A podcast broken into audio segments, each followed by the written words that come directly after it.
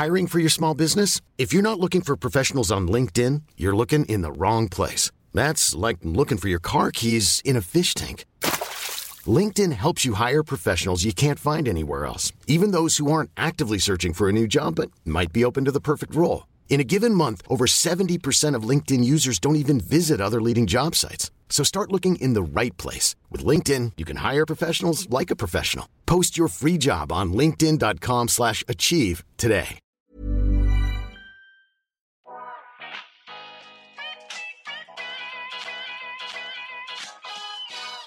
Välkommen till En timme med där jag, Sanja Tigeltia, träffar människor som inspirerar mig, som berättar om sina karriärresor, pratar självutveckling och hur de har kommit dit de är idag. I dagens avsnitt så träffar jag Annika. Annika arbetar som VD idag på varumärket Stronger. Hon har tidigare arbetat som marknadschef, sortimentschef, creative director på bolag som Rönners, Stadion och Lens. Sjukt roliga erfarenheter, mycket att dela med sig av sin karriärresa, vad hon har lärt sig, vilka lärdomar hon har tagit med sig, tips och råd kring hur man kan tänka om man ska vara strategisk eller lustdriven. Sjukt härligt samtal. Då rullar vi. Hej! Hej! Jag är så glad att äntligen få träffa dig och ha med dig i podden. Tack och tack detsamma, spännande. Och det visar sig att vi har massa gemensamt, springer runt i städer och jag har fått härlig, härligt kit här som jag ska testa. Och, ja. ja, gemensam hobby, ja. en gemensam nämnare upptäckte vi. Jättehärligt. Ja. Kan inte du berätta lite om, eh, om dig själv? Den här frågan är ju så bred, men liksom ja. Vart började din karriärresa? Vad var dina drömmar om att du skulle bli? Det beror på hur långt man går tillbaka. För jag har nog alltid varit intresserad av saker och människor. Så fort jag ser någon som gör något så tror jag att det är det jag vill bli när jag blir stor. så att det har fluktuerat. I många, många år när jag var liten så ville jag bli skådespelerska, vara en stor drivkraft. I don't know why. Sen ändrade det sig, så var det mycket drömmar om att jobba internationellt och jobba på UD och se världen. Mm. Eh, sen i väntan på att byta studieinriktning när jag läste på Lunds universitet så skulle jag bara in och jobba lite sådär emellan två olika utbildningar och skulle jobba lite åt ett företag som var nytt i Sverige då som skulle bygga om butiker och sådär. hette Stadium, det var helt nytt, det var väldigt så amerikanskt och ja, väldigt nytt på kartan just då hur de såg ut och agera. Men jag skulle bara in där och hugga i lite mellan studierna och sen skulle jag fortsätta läsa juridik. Men det där var, det var full fart. Det var ett tillväxtbolag. Eh, det var annorlunda. Det var högre fart och fläkt. Det, det tilltalade mig. Så jag började aldrig läsa juridik. Så då kom jag in på det här med retail och sen har jag haft massor av drömmar inom retail också. Mm. Och haft coola arbetsgivare, får jag väl säga, modiga arbetsgivare som låtit mig göra en massa olika. Men på det spåret är det. Ja, okay. Och var det redan där på stadiumtiden som du kände att du gillade den typen av bolag som sysslar med liksom någon typ av ja, men liksom aktivitet eh, i försäljning eller liksom, ja, du gillar ju att röra på dig. Jag kunde inte definiera det då om jag ska vara helt ärlig. Det det, ja, men allting är lättare att se i efterhand ja. tycker jag. Och det är lättare att utläsa mönster i de beslut man har tagit. Ja. Eh, det jag omedelbart kände där det var nog snarare farten. Mm. Att eh, sen att den farten visade sig vara väldigt mycket annorlunda mot många andra företag, det visste jag inte där och då, men det passar mig. Och sen gillar jag idén om träning, men inom Stadion så jobbar jag framför allt med det som inte var så mycket träning. Där var jag kanske mer mode egentligen, för jag jobbar mer med streetwear och de andra sortimenten. Jag jobbar också lite mer, om vi får lov att kalla det kreativt, med butikskoncept och visual merchandising och sådär. Många olika saker genom åren. Mm. De tillät mig att göra nästan vad som helst.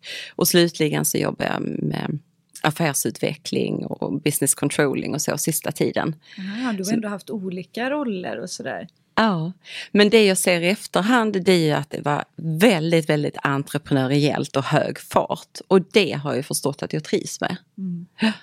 Och det kreativa säkert då? Det blev ingenting ja. att du plockade upp juristdrömmarna där? Nej, men däremot så jag får väl säga att jag har jobbat liksom kreativt, brukar man säga. Jag har jobbat med sortimentsutveckling, designchef, har jobbat som marknadschef, jag har jobbat som chef för, jag tror, en av de största visual merchandising-avdelningarna här i Stockholm. Ett stort kreativt gäng på Lens City på den tiden där verkligen fanns en ateljé där man byggde scenografi och hade duktiga fönsterstylister och sådär. Mm. Um, så ett tag trodde jag nog att men, jag kommer nog vara en sån här människa som är kreativ chef för olika områden. Det trodde jag var min grej mm. i några år. Tänkte att jag förstår färg och form men jag kan tänka väldigt strukturerat och modulärt kring det. Och jag är också resultatdriven, det ska ge någonting. Så jag tänkte att det är nog det här jag kommer att hålla på med. Så då gjorde jag det med en del olika saker. Eh, mm. Innan det ledde till någonting annat. Gud vad, vad spännande och jag en fråga som liksom poppar upp i huvudet på mig är ju sådär att är det svårt att byta inom olika roller så? För det är det som är så härligt att du har kunnat göra olika chefspositioner. Jag då som mm. jobbat väldigt mycket med PR har ibland tänkt så här, men gud det hade varit kul att kanske testa på marknadschefsroll eller liksom sådär och bredda. Mm. Du som ändå har gjort det, har det, har det liksom varit svårt att byta eller tycker du allt hänger ihop? Jag tycker att allt hänger ihop. Jag får ju höra från andra att, att jag har en stor bredd. Och så tänker jag alltid, ja, men gud, jag har alltid varit i samma bransch och jag känner alla människorna. Du vet, så här. Mm. Men jag tror att det krävs bara att man är modig själv och sen att man har turen att omge sig med modiga chefer. Men jag tror att man får öppna ögonen och föreslå sig själv. Jag tror att hade du föreslagit eh, när du befinner dig på rätt plats. Att jag tror jag skulle passa här som marknadschef. Jag förstår det här varumärket till 100 procent. Jag förstår kommunikationen av det. Då börjar också andra se dig som det. Men man måste nog våga föreslå det. Mm. Och jag har ibland bara fått svaret att vad kul att du är intresserad av det. Men, men de hade kanske inte kommit på det själv. Så man mm. måste nog våga föreslå sig själv i vissa roller. Det är bra tips. Är du bra på att ta för dig? Jag vet inte. Antagligen så, antagligen är jag väl hyfsat så. Ibland kan jag känna mig att jag inte är det. Jag är 50 år. Mm. Så ibland när jag ser de som är 30 år idag så tycker jag bara, men shit va, vilket självförtroende, vad ni tar för er och vad ni kan sälja själv. Och då kan jag känna mig lite dålig på det. Men jag, jag tycker det låter som att du är det. Ja, men jag, jag gör det nog på mitt sätt mm. och jag har nog alltid gjort det så. Men jag kan tycka att det är en generation som gör det proffsigare och är liksom mer skolad i det ja. på något vis. Ja. Ja, vad intressant. Och hur man ser på det själv. Som sagt, jag, med mina ögon när jag hör och, och liksom ser så tänker jag så här, shit vad coolt att hon är så bra på att liksom se möjligheter och plocka och säkert har pitchat in det själv och liksom också tagit för dig och, och sådär. För att man hamnar ju någonstans också när man vill som du sa, som om jag hade typ säkert frågat så kanske det hade skett. Och mm. Jag tycker det är inspirerande. Och när tillträdde du på Stronger? Ja, det var, äh, vad är det nu, det är tre, fyra år sedan. Ja. Hur hamnade du där? Jag var på ett, det var mycket sport och activewear, så jag var på ett annat jättehärligt märke, Rönisch, ja. som också jobbar med activewear för kvinnor. Eh, och eh, vi var lite mer traditionella i vår försäljningsmodell. Vi sålde till wholesale-ledet och hade en liten, liten, liten e-commerce som väl också var, var, växte, men i en annan fart. Men när vi tittade oss omkring Eh, vi ville ju självklart ha mer i vår e-com och sälja mer den vägen. Och eh, vi, vi, såg till exempel Stronger tyckte att det var ett ganska coolt varumärke. Mm. Eh, tyckte om marknadsföringen, tyckte om hur de använde influencers och tyckte, jag tyckte att de hade en fantastisk sajt. Vet jag hade med dem som exempel i min konkurrentbevakning. Så att jag började bara titta närmare på dem. Mm. Och när det blev dags för mig, eh, för nästa år när jag började titta mig omkring, av en tillfällighet så fanns där en CEO-roll som de precis hade eh, bestämt sig för då. Och det var, då hade också killarna som grundade företaget, liksom, de hade också kommit till en punkt att Nej, men nu måste vi våga ta in någon utifrån. Ja. Eh, så att det var bra timing. Ja. Mm. Och hur har de här liksom, åren hittills sett ut? Vad har varit dina största mål eller som du har velat genomföra och, och kände du att det här ska bli liksom, mitt stora projekt eller olika projekt? Jag har växlat över tid för det, var, det är sån stor skillnad. Jag kom in på Stronger som omsatte 45 miljoner kronor. Mm. Och, och det, det, är ju inte fy skam. Mm. Eh, killarna hade tagit det från noll Eh, vilket är fantastiskt. Och vi var väl ett gäng som jobbade, inklusive grundarna som är tre pers, så var vi väl cirka tio personer som jobbade tillsammans. Och mina första mål satte grundarna upp rätt tydligt för mig. Jag fick faktiskt punktform. Det var massa saker. Det var ökad omsättning och det var ett större Insta-account. Det var en massa saker, väldigt så här, mätbara mål. Så jag tänkte jag ska ta alla de mätbara målen som eh, grundarna hade satt upp för mig och kände också att i och med att det var en, vad ska man säga, risk och ett nytänk från deras sida att ta in någon utifrån och som är så pass erfaren som jag är, så kände jag också att ett så här softare mål att jag ska avlasta dem med allt. Jag ska visa liksom hur det är för dem att få in en COO och vilken nytta jag kan vara för dem och hur värt det är att våga satsa på någon extern. Så det var också lite softare mål som ja. jag ville leverera på. Oh, wow. Mm. Och, och um, hur, har, hur har det gått? Kände du någon gång att så här, shit jag har tagit mig vatten över huvudet. Var du någonsin att du så här, tvivlade på dig själv eller har det varit att du var så här, jag rockar det här, det här är så lätt. det har rockat jättemycket ja. och det har också varit lätt, det får man inte lov att säga alltid. Men jag kom in i en fantastisk tid. Eh, där vi kunde liksom direkt ta beslut på att öka inköpen, öka kommunikationstakten, öka release, alltså tätare släpp och så vidare. Och ett antal sådana nyckelfaktorer gjorde att vi fick en tillväxt som var otrolig. Jag har ju varit med och tiodubblat omsättningen i det bolaget. Wow. Så det har rockat och det har varit lätt och det har varit kul. Då behöver man mest vara modig ja. och liksom ha tillit till varandra och att vilja åt samma håll. För vi nyttjar verkligen, vi accelererar bra på det som då? hände. Hur gör ni? Liksom, vad, vad tror du särskiljer er till, till andra? Ja, men dels var det andra också som gjorde det. Det, och sen var det andra som inte gjorde det kanske med samma framgång. Eh, men att befinna sig de här åren med e-handel, ett fantastiskt, jag älskar Activewear och det finns ett stort sug mm. efter det där ute. Eh, men sen också, sen handlar det ju om mod och synk och lita på varandra. Vi tog väldigt modiga beslut. Jag hade inte varit många veckor i företagen förrän vi gjorde alltså de största inköpen som företaget någonsin hade gjort. Mm. Men där gäller det också att det, man är synkad grundare och i det här fallet jag och sen efterhand som vi har byggt ut ledningen. Självklart jättebra diskussioner och jättebra beslutsunderlag. Men våga använda dem, våga ta beslut och gå fort framåt. Mm. Och vi har gått jättefort framåt. Jag tycker det har känts som att, och jag är ändå erfaren, varit i många bolag tidigare i mitt liv, men de första åren där det kändes som jag var på ett helt nytt företag varje kvartal. Wow. Och det var en ny storlek, nya grejer att ta hand om.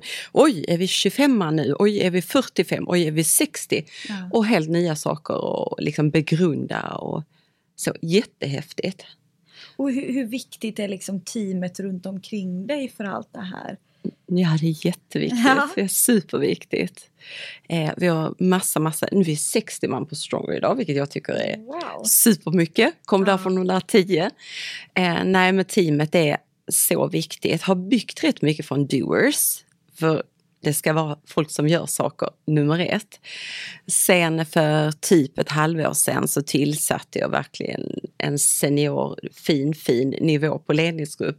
Måste också säga att det kändes härligt. Det hade kommit till en gräns ja. eh, där det också behövdes. Men väldigt roligt att starta liksom med verkligen de som gör göret och inte med liksom någon form av mastermind och sen trillar det neråt. Nej. Utan tvärtom. Det har varit jätteroligt men teamet är allt. Oh, wow. Mm. Nej men det är kul, att, kul att höra för det är väldigt många men, av mina gäster som, som sitter i liknande positioner som är sådär att liksom teamet är så viktigt och att det måste synka och för att man ska våga, man ska peppa varandra, hjälpa varandra och hela den biten. Liksom. Sen är det ju svårt att hitta mm. bra folk. Ja. Eh, det är ju någonstans allas utmaning. Liksom. Ehm, men jag tycker det, det, det är spännande att höra. Och någonting jag är nyfiken på, liksom, var, var kommer din drivkraft ifrån? Vad driver dig? Ja, det är en bra fråga. Ja, men dels tycker jag om att jobba. Jag har alltid tyckt det var roligt att arbeta. Ja. Även när jag haft enklare jobb, vet, när man studerar, jobbar på lager och allt möjligt. Ja. Jag har alltid tyckt det var kul att jobba. Det är väl någonting sådär att man gillar ja, men vara lite nyttig. Mm. Alltså eh, att det ska finnas ett behov av det man kan utföra. Eh, så jag tycker om att arbeta, nummer ett, och det är väl en drivkraft i sig. Eh, så jag vet inte annars jag spekulerar, jag har pratat med andra om det också, sådär att eh, jag har en pappa som inte är från Sverige, han kommer från Finland och det var någon som tyckte att ah, men då är du sådär andra generationens invandrare, ni har så starka drivkrafter. Eh, era föräldrar vill att ni ska lyckas och Ja. sådär. Jag bara, ja, men jag har en helt svensk mamma å andra sidan också. Jag vet inte, Nej. jag vet inte. Men jag har ju själv en hög energinivå och den ska ju den ska man rikta någonstans. Och jag har riktat den liksom rätt så mycket i mitt arbete. Använder den där. Och, och för att liksom, för du har ju ett högpresterande jobb och jag kan tänka mig att du lägger en hel del timmar Mm. på ditt jobb och liksom det är inte alltid guld och gröna skogar liksom på dagarna. Nej. Hur, hur får du balans på allt det här? Hur, hur viktigt är det att ta hand om dig själv och liksom återhämtningen för att du ska orka eh, liksom rikta energin och prestera och hela den biten? Nummer ett så drömmer jag inte om balans. Jag tycker det här är superviktigt. Det här är en jätteviktig fråga för mig. För jag träffar så många, framförallt kvinnor som pratar jättemycket om balans i livet. Jag tror inte att det finns balans. Jag tror livet är obalans. Det är upp och det är ner, det är höga berg och det är djupa dalar. Och det är stress och det är jobb och det är barn och det är allting. Om man kan förhålla sig till det, då mår man bra. Men om man går och längtar efter att det ska bli utslätat och jämnt och i balans, då har man bundit ris åt sin egen rygg tror jag. Så nummer ett, jag tror inte på balans. Ja. Jag tror på att förhålla mig till livet. Vad kan jag påverka? Men vissa saker kan jag. Då jobbar jag hårt för att påverka de sakerna.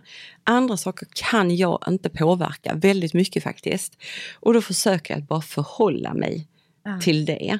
Och det är ett sätt att inte bli alldeles för stressad. Det är ett superviktigt förhållningssätt för mig och mitt liv. Eh, Så det är väl liksom den mentala delen, hur jag tänker. Eh, och sen så, som vi pratade om innan, sen så tycker jag att motion och rörelse är jätteviktigt för mig. Jag jobbar inte med det här. Det är inte bara en tillfällighet utan jag älskar det vi, eh, vårt erbjudande till våra kunder. Ja. Så jag springer mycket. För mig är det som yoga, meditation, bara rensa ut. Jag tycker det är underbart och härligt. Eh, går också på yoga, tränar på gym. Just nu är det en period när jag springer mest, men det här fluktuerar. Jag har perioder när det blir mycket, mycket yoga, mycket, mycket styrketräning och så vidare. Men just nu är det mycket löpning. Mm. Trivs superbra med det.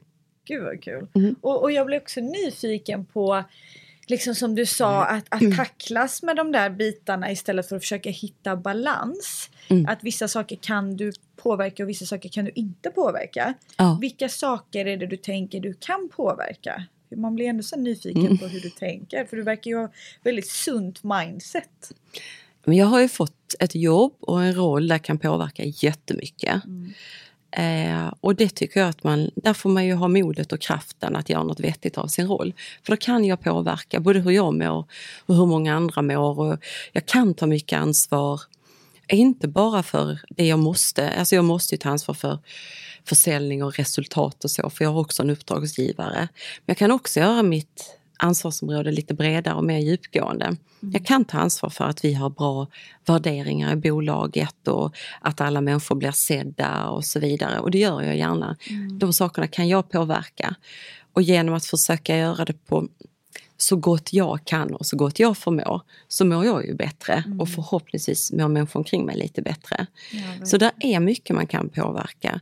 Eh, jag kan också påverka min familj och Ja. hur de mår med mig och så vidare. Ja. Eh, och jag kan påverka att jag kommer hem och är lite glada. Jag kanske springer en liten runda, kanske tar fem kilometer innan jag ska hem. Rensar man ut lite grejer från jobbet, Ja. kommer hem och kan ha fokus på familjen och vara med dem istället för att vara i jobbet i huvudet. Ja. ja, för det är många som tar med sig och jag vet också liksom när man har haft stressiga perioder, man, man är i- i jobbet hela, hela tiden och, och, Mm. och där är som du säger, vissa saker kan man ju inte påverka och det är kanske är onödigt att ta med sig det hem eller liksom gå runt och älta saker eller ha det i huvudet. Ja. Men ja, nej, det, det är väldigt intressant att höra hur, hur du resonerar för jag tycker det är så fascinerande för att du känns som en så cool, lugn person som li- livet lite som det kommer, utmaningar och motgångar lite som det kommer men det är liksom så det intrycket jag får. Mhm. Jag kan ju också vara stressad såklart. Ja, ja, såklart. Eh, såklart. Men försöker, man får ha några levnadsregler man försöker hålla sig till. Ja, ja men det är nog sunt. Hur, hur är du som ledare tror du? Ja, vad bra fråga. Jag, eller jag har fått höra sådär att, att jag har en, en hård nypa och att jag har en mjuk hand. Ja. Har jag fått höra från någon som skulle beskriva för mig. Ja. Eh, jag, ibland så frågar mig vissa, för att höra hur andra upplever, att jag är tydlig och kan styra ganska hårt hur jag vill ha det. Men att jag har en mjuk hand, att jag är empatisk och mänsklig och ser människor och jag gillar ju människor. Ja. Så att eh, det är väl någon kombination av av det kanske, jag vet inte, där ska man alltid fråga andra. Men som sagt, det här svaret kommer eh, från en annan person ja. jag jobbat med från början. Eh, sen så ledarskap, jag tycker att det är väldigt olika också. från att vara Ja, som till exempel när man jobbar som, jag jobbar som designchef med ett team produktutvecklare och designers. Då är ju väldigt närvarande, man är en kreativ ledare som är med sitt team. Mm. Som VD är man ju en helt annan typ av ledare. Mm eh, som hamnar lite längre ifrån och ska så göra. Ja. Men självklart så kan jag sakna ibland att vara en del och vara närmare verksamheten. Det kan jag Men jag förstår vad du menar. Och, men, men det är också intressant då, för det är svårt kanske att säga hur man själv är som ledare. Ja. Men vad är, om, om du får välja, liksom, vad är viktigt ledarskap för dig? Om du fick ha liksom, en, en ledare som du tycker är bra. Vad, vad, är viktigt, vilka, vilka, egenskaper tycker du är bra liksom, och, och ha haft genom dina karriärår som du är så här, det där har hjälpt mig eller det där ser jag upp till eller liksom de här egenskaperna är bra. Jag tänker så här att ledare som jag uppskattar och så som jag vill att ledare ska vara till exempel på Stronger. Mm. Jag vill att man ska se sin personal.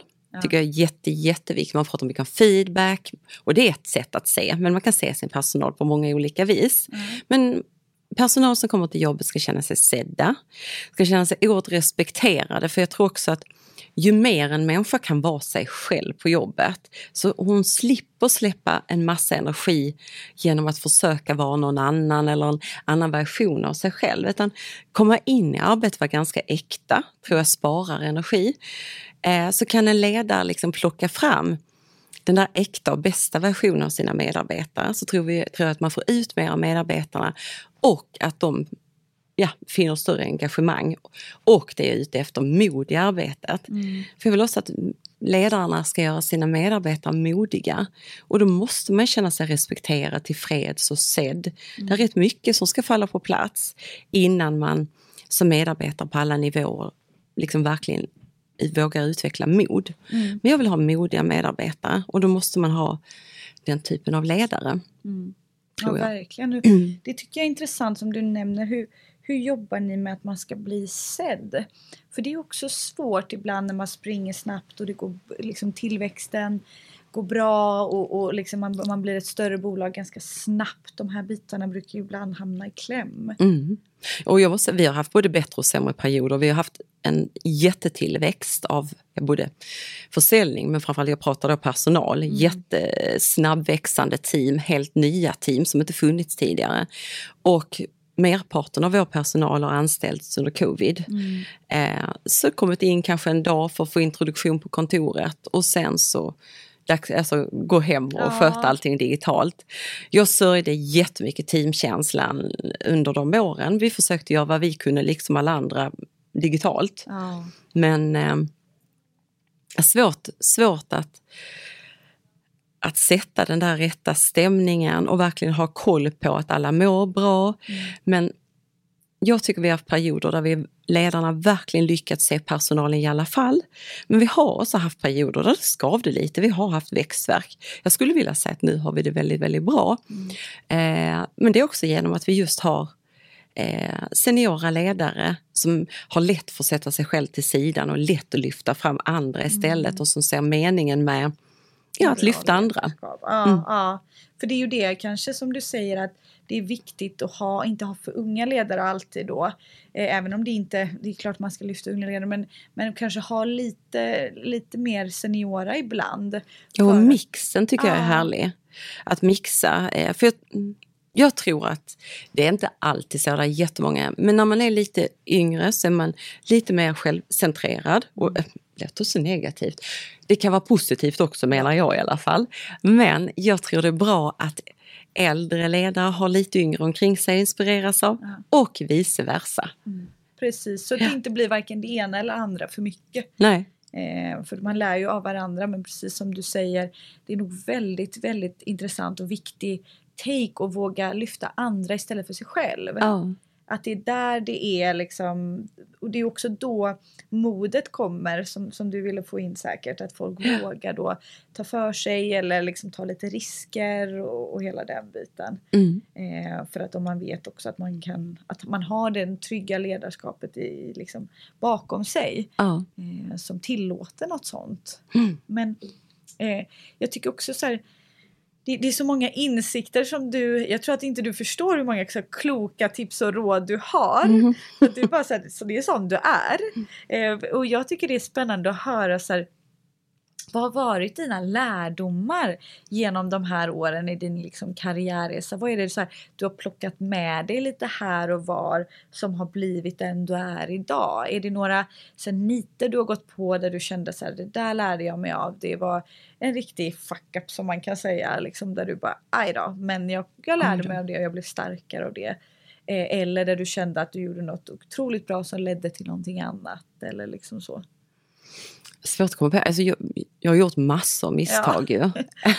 en del av dem får man ju nästan fira för att det är skönt när man är över den tröskeln. Ja. Men jag vet, men en sak som varit viktig för mig och som jag lyfter fram ganska ofta, som jag ser att många av mina medarbetare tampas med också, eh, det är ju det här att jag trodde länge att göra allting 100% eller gärna 110-120% om det nu finns.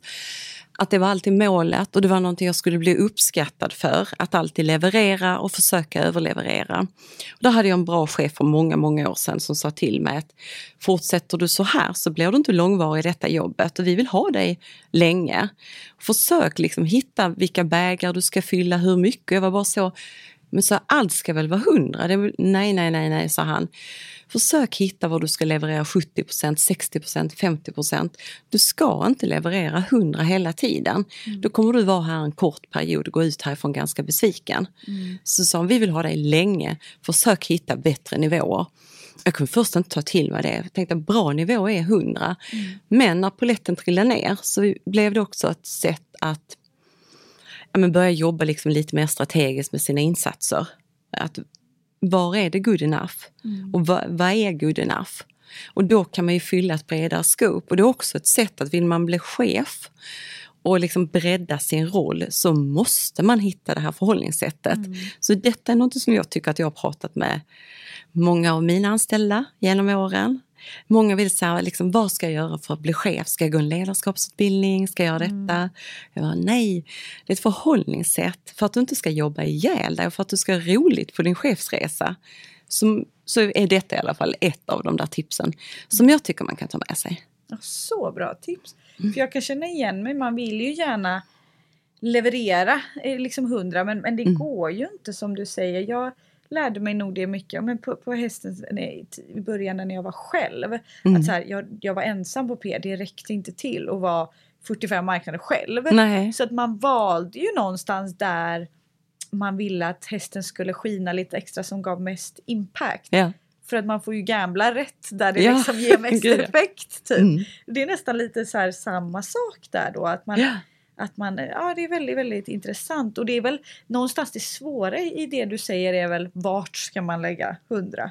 För Ja. vissa då att man kanske tänker att vart, vart ska jag lägga mitt fokus allra mest och vart kan jag lägga de här 70?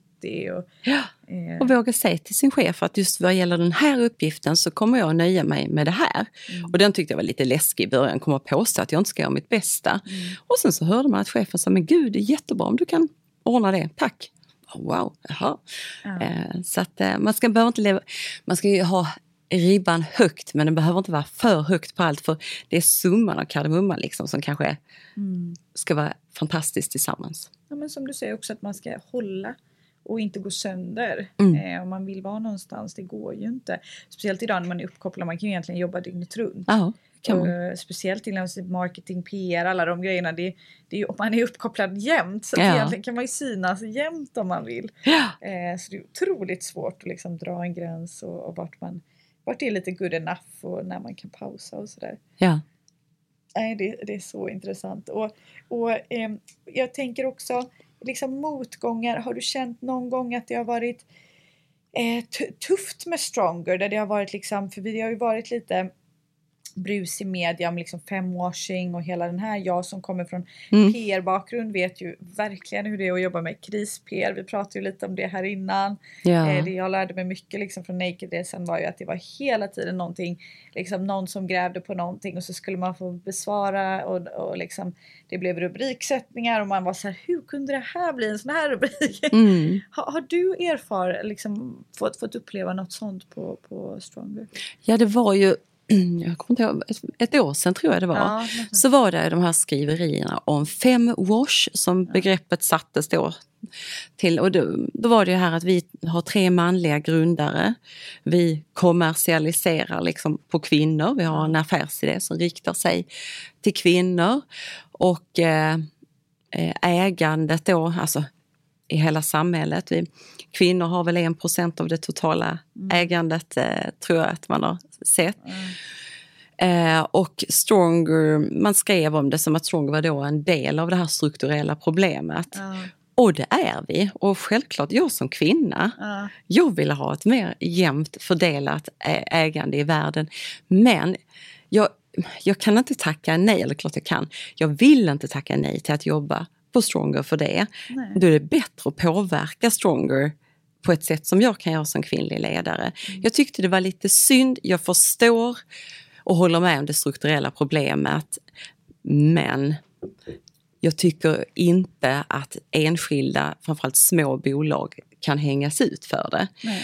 Men jag finns där, jag är i detta bolaget, skrevs som och eh, jag har tittat mycket på vårt varumärke. Eh, för det är också sådana uttryck som jag kanske vill att vi inte använder gör vi inte längre. Vi pratar inte om empowering women.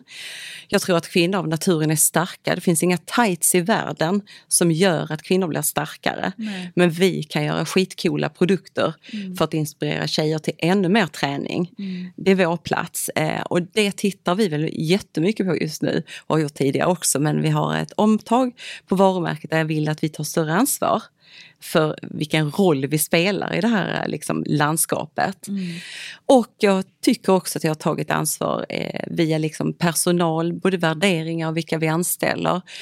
Jag vill att Stronger ska vara en arbetsplats eh, där det framförallt finns eh, ett starkt kvinnligt ledarskap och det har vi idag. Mm. Men också mångfald i allmänhet. Mm. Eh, och det är väl det, det, är det jag kan göra. Och sen så tror jag att hela det strukturella problemet, det börjar hemma. Mm. Jag är också förälder. Jag tror föräldrar har ett jätteansvar. Eh, och sen samhället i, i stort såklart. Ja. Men nummer ett tror jag att det är hur vi uppfostrar våra barn och vilket mod vi ingjuter i dem. Mm. Framförallt i tjejerna då också.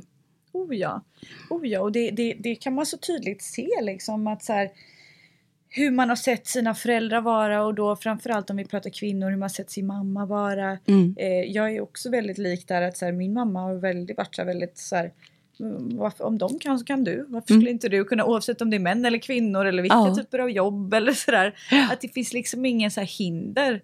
Eh, ja, men den personen, du är lika mycket människa du. Så att, ja. då, då kan man. Och jag tror verkligen som du säger att det sitter verkligen i mycket i det också. Och sen är det ju så här Eh, mycket är ju liksom ute efter rubriksättningar och hela den grejen. Mm. Men, men det är ju ett strukturellt problem som kanske är lite, det, lite större än, än att eh, killar inte får, får starta bolag som är för kvinnor. Mm. Eller försäljning till kvinnor. Mm. Eh, men, men det är också så här jag tycker det är intressant hur man väljer att tackla problemet för det är också väldigt nyttig erfarenhet. Mm. Eh, för idag är ju liksom cancelkulturen enormt mm. stor. Mm. Man vill kasta folk under bussen, speciellt när det går bra. Mm. Varför har det gått bra? Och så vill man hitta hållhakar. Kan ni uppleva det också, att det är mycket cancelkultur och hela den biten? Ja, men jag känner så. Jag känner att både, jag både i det privata och i yrkeslivet att man parerar för den typen av tankar. Mm. Jag tycker det är synd. Jag älskar snarare sammanhang av tolerans. Mm. Eh, jag tycker att man ska ha så mycket självförtroende eh, och också hjärtlighet och medkänsla så att man klarar att tolerera olikheter. Jag tycker den här cancelkulturen är något väldigt, väldigt negativt och ängsligt och jag hoppas att vi har liksom sett piken på det och att vi är på väg mot någonting annat. Men visst parerar man för det. Oh ja. Ja. Oh ja. Och, och det är synd för det tar ju så enormt mycket energi eh, fr- från alla människor, från bolag, från anställda och hela den biten. Och som du säger, det är liksom vinklat till något negativt. Eh, ibland helt i onödan bara för att det liksom en, blir en spin-off viral effekt. Ja. Eh, men, men, eh, men nog om det. Jag är också för positivism, eller positivitet. Ja. Det är därför ibland ja, men det svenska medielandskapet kan vara tricky. Men, men bli- om vi blickar framåt, liksom, vad, vad är dina drömmar och, och visioner både för dig själv men också för Stronger? Hur länge är du kvar tror du? Och det vet jag inte. Och jag kanske inte är helt ensam om att bestämma det. Men Nej. jag skulle gärna vilja se. Vi har lite nya grejer vi gör nu. Ja. Eh, vi går så här tvärtom. Det är många, många, många varumärken som har gått liksom från wholesale Ja. och så in i att skapa sig en e-handel. Ja. Vi ska precis nu från ett väldigt så här premiumperspektiv, får jag väl kalla det, väldigt nischat. Men vi ska liksom ut och undersöka wholesale och komma ut på så här fina varuhus och lite så här mer premium Ja. och lite fina marketplaces. Och det är ju helt nytt och det hade jag jättegärna velat se hur det växer upp och hur det då påverkar också vår e-com, hur det Ja. påverkar marknadsföringen Ja. och så vidare. Det tycker jag är jättespännande så det vill jag, vill jag vara med och göra. Och sen har vi som sagt ett stort varumärkesarbete där vi väver ihop varumärke och responsibility. Väldigt spännande. Nej, men det där är några spännande år, ett par jättespännande år framöver. Ja, och det vill jag få vara med och påverka. Ja, och det är spännande. Jag som är liksom varumärkesnörd. Mm. Eh, det är ju ganska tufft jobb att bygga ett varumärke. Det kan ju ta flera år och speciellt då om man Eh, liksom, vissa har ju gjort det i flera år och sen blir det ett varumärke och sen kör man på e-handel. Ni har ju liksom kört på snabb tillväxt, e-handel och hela den biten och nu egentligen ska liksom skifta och bygga ett ännu starkare varumärke vilket är rätt kämpigt kan jag tänka mig, eller en utmaning om inte annat. Ja, men vi såg också, mm, det var ju ett eh, private equity-företag köpte majoritetsposten i vårt bolag för ett år sedan. Ja. Och de gjorde ju en massa kundundersökningar och så inför bolagsköpet. Och bland annat så här när man tittar på varumärkeskännedom och liksom ratingen av brandet så såg man att på våra huvudmarknader så hade vi etablerat ett starkt varumärke. Ja. Så vi har väl gjort, vi har ju byggt varumärke under tiden. Men det kändes som att det kan vi förvalta och förädla ännu mer. Ja. Så det fina är att vi börjar inte från noll, och Nej. vi börjar inte, utan vi har en jättefin position, inte i alla länder i världen, men på eh, Norden och norra Europa, några länder, så har vi liksom starka positioner att börja bygga på. Ja. Och det kändes bara som att det måste vi göra. Ja. Eh, att det är någonting jättefint att ta hand om. Eh, och då också att ta det utifrån både då det kvinnliga perspektivet och hållbarhet och göra liksom något som är både coolt och attraherande, inspirerande men att klara göra det hållbart, både socialt hållbart och självklart social, eh, hållbart producerat. Och hur tänker ni mer kring liksom varumärkesresan? Vilka, vilket håll kommer ni gå åt? Nu, nu nämnde du lite att ni ska in på wholesale och kanske Mm. synas lite mer i liksom premiumbutiker. Men är det lite åt det hållet ni vill gå? Ja, kanalmässigt så är det så vi har fått jätte, jättefint gensvar från de som jag anser vara de finaste man kan jobba med. Eh, Så det kommer säkert att gå jättebra. Men sen annars med liksom vår storytelling och så, vi vill också nå ut med som vi brinner för inne i Stronger. Ja. Att livet är lite härligare i tights. Ja. Och självklart, det är vår produkt, men vi menar, vi har lite högre syften också med. Vi tänker också på det som du och jag gillar.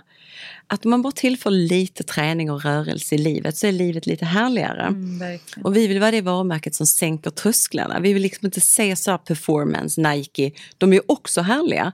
Men det är ju ofta för människor som är över en viss tröskel. Ja. Vi skulle drömma om att bara du vaknar och tar tightsen på dig Mm. så kanske det är att du promenerar istället för att ta bussen. Alltså att det är good enough. Ja. Men att alla liksom... ja, min dröm är lite så här att färre timmar i fashion och mer timmar i activewear. Mm. Och att det leder till ett lite rörligare liv och lite rörligare är lite roligare.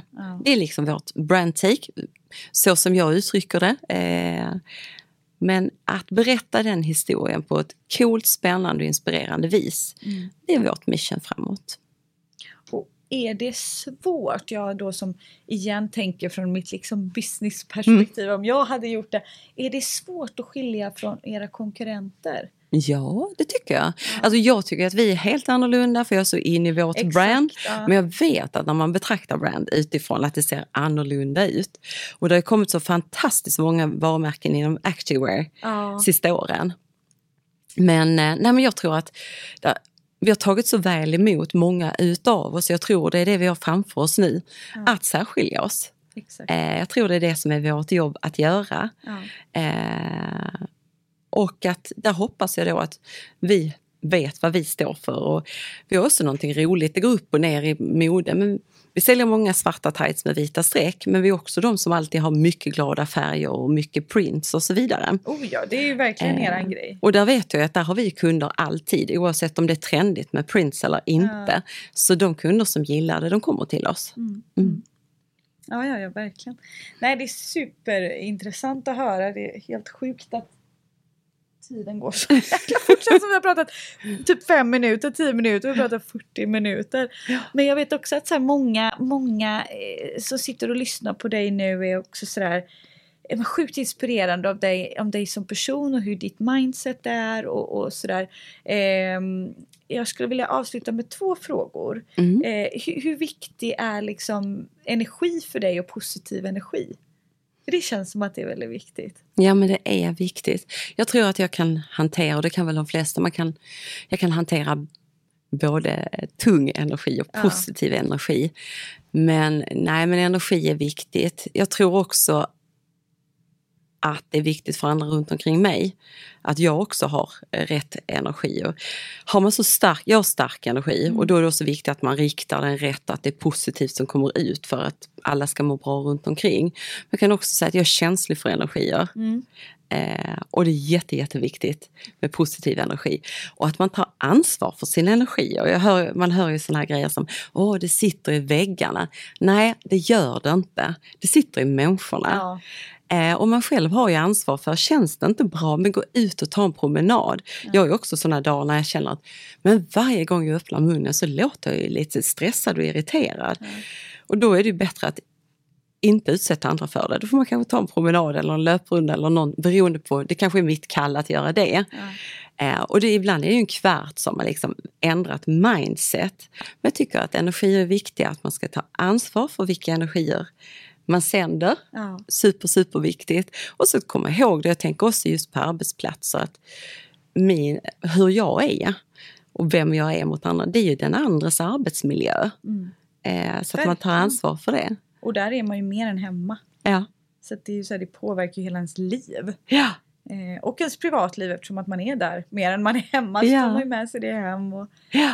Eh, och sedan min, min andra sista fråga är för de som drömmer om att liksom sitta i din position eh, någon dag eller liksom har det som målsättning eller tycker att det är extremt liksom, inspirerande med din resa. Vad har du liksom för tips och råd att ge för att man ska hamna där du är idag? Eh, så, vad, vad, vad kan man tänka på? Nummer ett så kommer jag på att göra lite reklam för vi ska snart gå ut med en roll. Jag behöver en assistent. Ja, skitbra! Så då börjar man med att bli världens bästa assistent på Stronger. ja. Eh, för jag behöver en vd-assistent. Men med det, nej, det var lite skoj. Nej men det är faktiskt Men- en bra kanal att säga det på. Ja, så det söker jag. Eh, men nej, annars, jag har ju inga avslutade studier med mig till exempel. Jag tror tyvärr inte att det är lika lätt idag. Eh, jag, jag skulle väl börja med att se till att ta hand om mina studier. Eh, att man har liksom ja, en bra civilekonomutbildning eller liknande med sig. Det är väl den ingången man oftast har. Men jag tror inte man ska vara rädd för att göra lite utflykter under sin karriär. Mm. Jag har gjort massor av utflykter. Jag har aldrig haft någonting som jag själv har kallat karriär egentligen. Det ena har lett till det andra. Det har varit väldigt lustdrivet. Saker som dykt upp och bara, gud hur härligt hade inte det varit? Jag kanske får föreslå att det hade passat mig och så får vi se hur det går. Mm. Men att våga göra det, för ibland prata med människor idag som liksom inte har tid. Mm. Då kan man vara 28 år och inte ha tid till till exempel en kreativ utvikelse på sin karriär. Och jag bara wow, men du ska jobba till du är 60 kanske eller 65. Gör det, det kommer att ge någonting. Och det som inte ger i lönekuvertet just i år, det kanske gör det något annat år. Mm. Eh, Men jag tror att man ska våga vara lite, man ska ha bra utbildning i botten och sen ska man bara våga vara lustdriven och lita på processen och lita på sig själv. Och gud, ja, en privat fråga då. Ja. För jag är ju väldigt lustdriven. Min karriär har varit att det har kommit till mig och så känner jag det här känns bra i magen. Jag testar och så kanske det inte känns bra. Då gör jag något nytt. Men ibland kan till och med jag känna så här. Shit, folk har verkligen en strategi uppmålad. Mm. Varför har inte jag det? Borde jag ha det? Kommer det typ paja min framtid nu om jag inte har det? Att jag bara går på lust och sådär. Men det känns, behöver man ha alltid en utsatt plan? Eller kan det vara till det negativa? Jag, vet, jag har aldrig haft en plan i alla fall. Nej, verkligen inte. Det enda jag kan säga att kan vara negativt, eh, som när jag var yngre jag kunde falla för och som jag ser att kanske jag har unga människor runt omkring mig som faller. När man inte själv har en egen plan så kan jag tycka att det är störtlätt att man faller för andras planer för en. Ja. Så så fort, eh, jag vet första gången jag blev liksom, eh, som rekryterare, headhunters närmade sig mig. Då var jag bara så, wow vad häftigt, jag måste nog göra det här direkt för att jag var så smickrad. Jaha. Sen var det kanske inte ett steg upp alls, för ofta vill de kanske ha en att göra precis samma man har gjort innan fast i ett nytt företag. Men jag var så sjukt smickrad och jag hade ingen plan för mig själv så att bara wow, det gör jag. Ja. Så det är väl det enda negativa, att man kan ha lite koll på. Och det vet jag så jag har sagt till några medarbetare att eh, ha en egen plan, för när du väl pratar med den, då kommer du att bli så smickrad. Ja. Eh, och jag kan också vara så i perioder så kan jag också vara så att jag pratar inte med någon annan. Jag är där jag är, jag tar det uppdraget nu för börja prata med andra om andra uppdrag. Mm. Så försvinner min hjärna någon annanstans och just nu vill jag inte det. Så då kan jag också vara så att nej, då stänger jag av de kanalerna, de finns där eh, sen också. Liksom. Ja, så att nej, jag tror inte man behöver ha någon plan egentligen. Jag tror man kan vara väldigt lustdriven. Men man ska inte låta andra heller sätta agendan. Nej. Så bra tips. Tack! Och, och vem hade du velat, om du fick välja någon att höra i podden, den här är svår för den är inte förberett och det är sällan, det är ju Mhm. aldrig någon som är det, så det går bra att passa. Men är det någon som du inspirerades av som du hade velat liksom höra i podden? Någon som du ser upp till eller får tips av eller bara allmänt tycker är cool? Gud, det är ju så många. Nu kommer jag på, hon har nog varit här redan va? Ja. Jag, kom, jag, bara spontant så kommer jag tänka på Emilia de Porret, men hon har varit här va? Då måste jag lyssna på det avsnittet, ja, det har jag inte gjort. Henne kommer jag att tänka på. Eh, vad har vi mer för några härliga? Ja, så, du får klippa bort om du inte vill ha med det. Jag har ju två stycken jag har börjat jobba med som jag tycker är rätt häftiga. Jag har knappt hunnit fråga dem om deras fulla bakgrund. Jag har jobbat, börjat jobba eller, i styrelsen i ett företag som heter All I Am som är Amanda Schulmans Beauty. Ja, Där är två går häftiga tjejer. Ja, och där är Karin och Jessica. Ja. De är lite parhästar. Ja. De har köpt Zlatans parfym och nu kör de det här. Och de, här. och de är lite spännande. Sjukt duktiga. Jätteduktiga. Du, Och jag har inte hunnit riktigt, ska jag göra, gräva i dem så, men de är också spännande. ja, bra tips. Ehm, ja, det var, det var lite närliggande branscher sådär. Ja, men jättebra tips. Ja, men tusen, tusen tack för att du tog din tid. Ja, tack och för själv. att du har delat med dig. Tack så jättemycket. Hoppas du får till någonting av det här. Oh ja! Om ni gillar podden så får ni hemskt gärna dela den här med era vänner. Men också gå in och prenumerera och jättegärna lägga en liten kommentar. Det hade gjort mig så otroligt glad.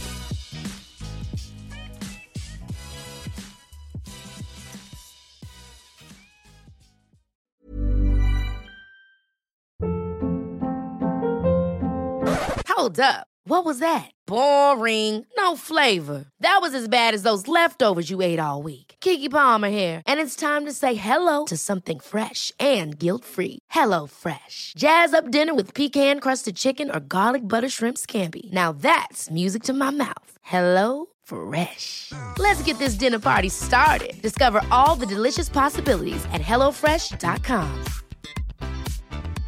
Hey, it's Paige DeSorbo from Giggly Squad. High quality fashion without the price tag. Say hello to Quince. I'm snagging high-end essentials like cozy cashmere sweaters, sleek leather jackets, fine jewelry, and so much more. With Quince being 50 to 80% less than similar brands. And they partner with factories that prioritize safe, ethical, and responsible manufacturing. I love that. Luxury quality within reach. Go to quince.com slash style to get free shipping and 365 day returns on your next order. Quince.com slash style.